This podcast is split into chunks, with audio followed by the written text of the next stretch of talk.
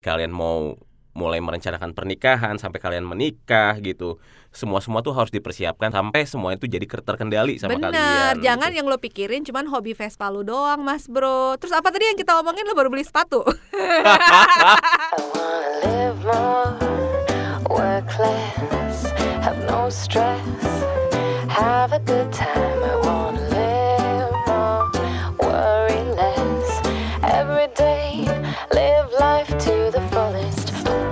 Halo sahabat DBS, kembali lagi di podcast Bank DBS Indonesia Play More, Worry Less.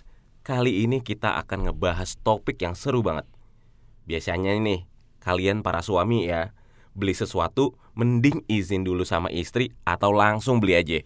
Eh emang bisa lo beli barang diem-diem gitu kagak pakai ngomong-ngomong? Karena biasanya nih, para suami ini nih Kadang mending minta maaf daripada minta izin yang penting lo beli dulu gitu barangnya ya Yo Ih, tapi ya juga gitu sih, dong. tapi ya juga sih kita eh, jangan kayak gitulah. Eh by the way kita perlu kenalan lagi nggak nih?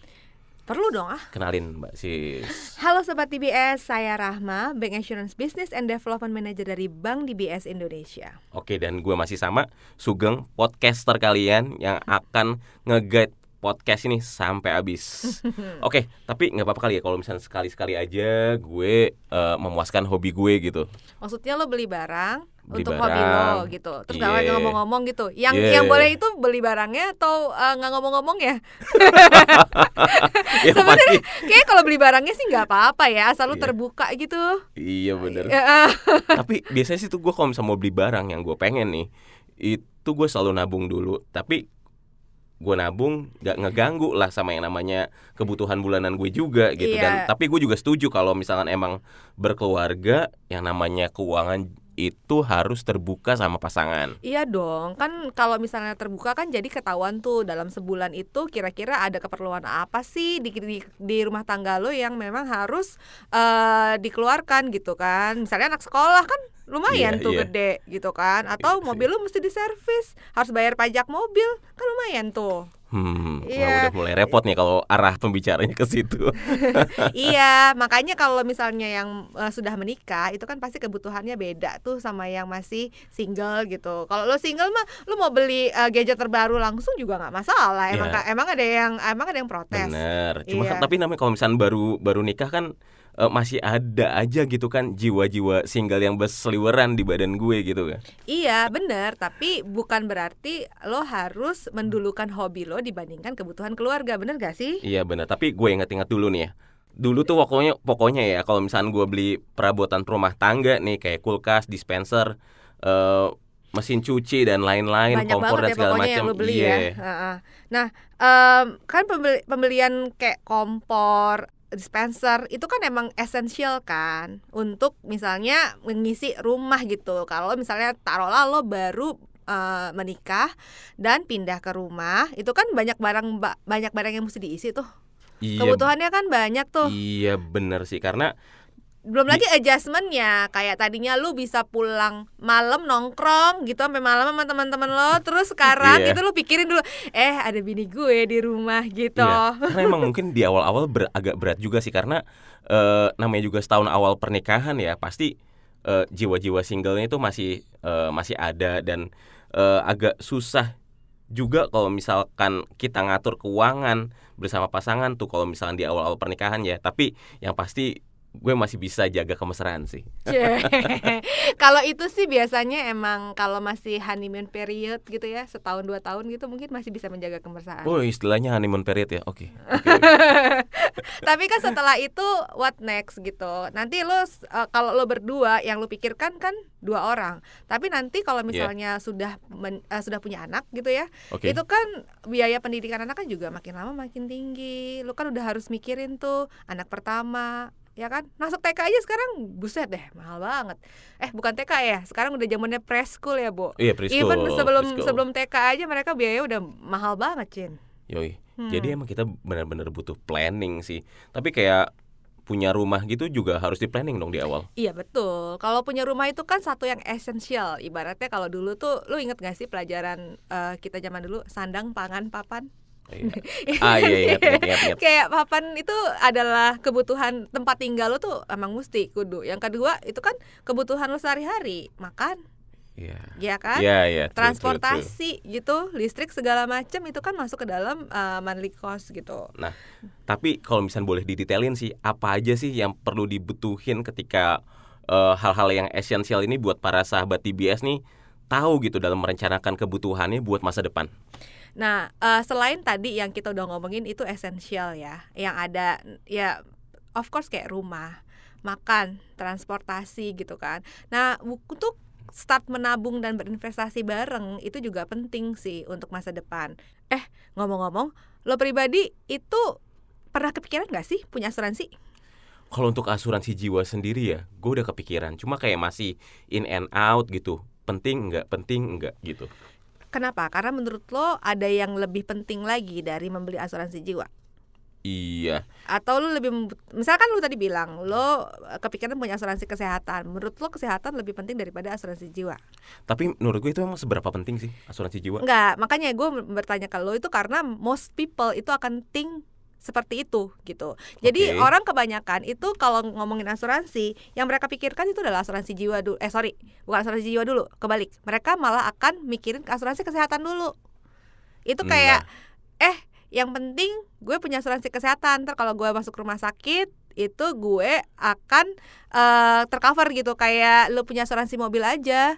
Lo punya asuransi mobil karena supaya kalau lo tabrakan atau apa apa kan ke cover kan Iya ya benar. itu esensi manusia Jadi ini sebenarnya kayak paradigma terbalik dong antara eh, lebih penting asuransi eh, kesehatan dulu baru asuransi jiwa yang di benak orang-orang kebanyakan gitu. kebanyakan orang akan berpikir eh, apalagi orang-orang milenial ya yang Iya. masih muda-muda eh, yang mungkin baru mulai menikah gitu ya mereka akan berpikir bahwa ah yang penting gue punya asuransi kesehatan deh kalau misalnya gue ada apa-apa ke cover deh heeh. ya sama tadi gue bilang sama seperti kenapa lu alasannya lu punya asuransi mobil bener gak Iya benar.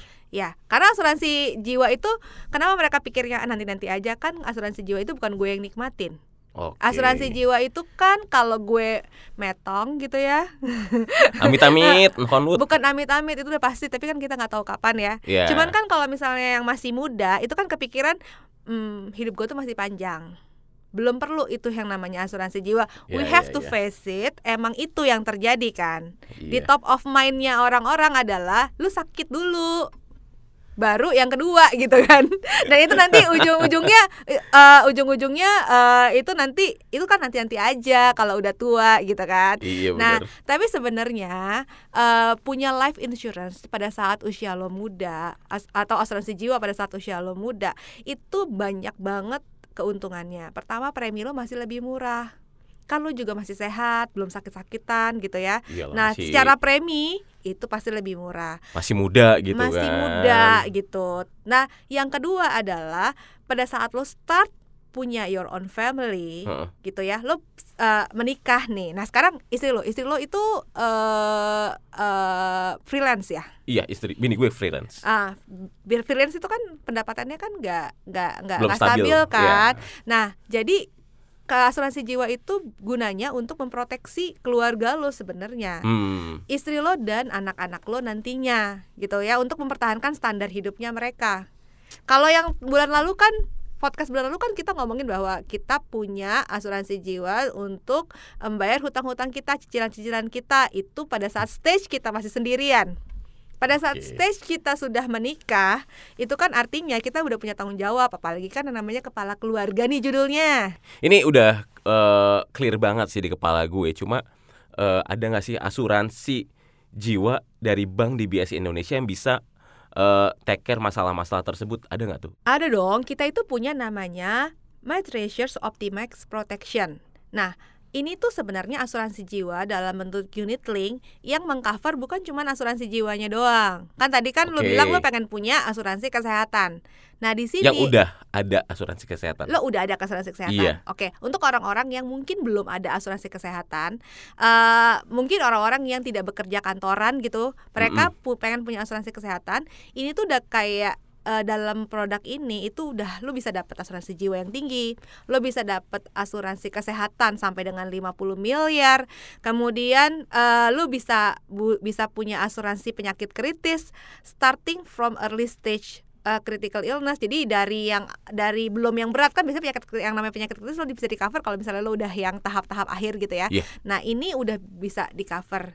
Dan lagi tambahannya dia karena dalam bentuk unit link ada potensial growth uh, investasi di unit link yang bisa lo pakai untuk misalnya lo punya kebutuhan-kebutuhan mendadak gitu. Oh, I see. Jadi ini ada part investasinya juga ada part di situ. investasinya juga. Cuman sebenarnya uh, Catat sahabat DBS. Penting Tapi untuk sebenar- kalian semua. Tapi sebenarnya eh, part investasinya di dalam eh, asuransi itu kan sebenarnya komplementari kalau gue bilang.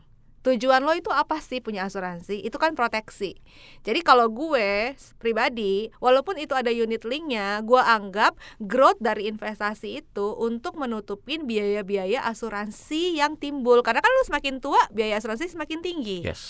bener gitu. Nah ini tuh udah satu eh, komplit banget produknya. Ini udah whole package ya kali. Kayaknya nih eh, untuk asuransi dari Mitracer Optimax Protection ini semua lini di cover semua ya. Iya, jadi lu nggak usah capek-capek punya 3 4 polis sekaligus lu cukup punya Matrix Optimax Protection dan lu punya semuanya deh. Lu punya asuransi jiwa, lu punya asuransi eh, kesehatan yang untuk rumah sakit dan lu punya asuransi penyakit kritis gitu. Plus lo bisa menabung juga lewat unit link gitu. Eh, Oh. gua nggak boleh ngomong menabung ya untuk unit link ya.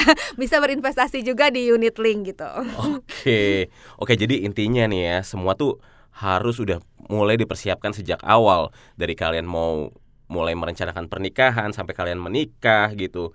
Semua-semua tuh harus dipersiapkan sampai semua itu jadi terkendali sama Bener, kalian. jangan gitu. yang lo pikirin cuman hobi Vespa lu doang, Mas Bro. Terus apa tadi yang kita omongin lo baru beli sepatu? itu off the record aja.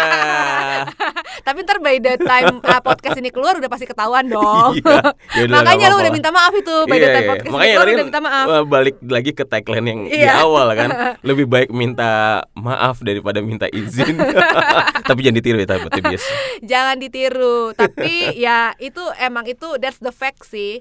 Pas lo ngomong begitu aja, teman-teman yang ada di sini juga semuanya ngomong hal sama. Iya, gue sih mendingan beli duluan daripada gue minta izin gitu kan. Rempong urusannya, Iya, iya, Bo. iya. Ah. Oh iya jadi mikir-mikir loh gue. Tuh sahabat DBS, denger nih apa yang dijelasin sama Mbak Sis Rahma. Tunggu apa lagi? Jangan pernah nunda-nunda untuk orang yang kita sayangin. Jadi kita Betul. harus bersusah payah. Bukan bersusah Untuk payah. itu. Lo Iya harus mulai planning dari sekarang. Iya, maksudnya ke sana bersusah payahnya untuk planning gitu. oh iya, next episode temenin gue lagi dong. Mau banget. Tapi nanti kita atur waktunya lagi ya. Oke, situ sibuk nih kayaknya nih. Enggak sih, apa sih yang enggak buat sobat DBS, C? Oke, sampai sini dulu ya perjumpaan kita kali ini sahabat DBS gue Sugeng. Gue Rahma. Sampai jumpa di episode berikutnya. Dadah. I wanna live more,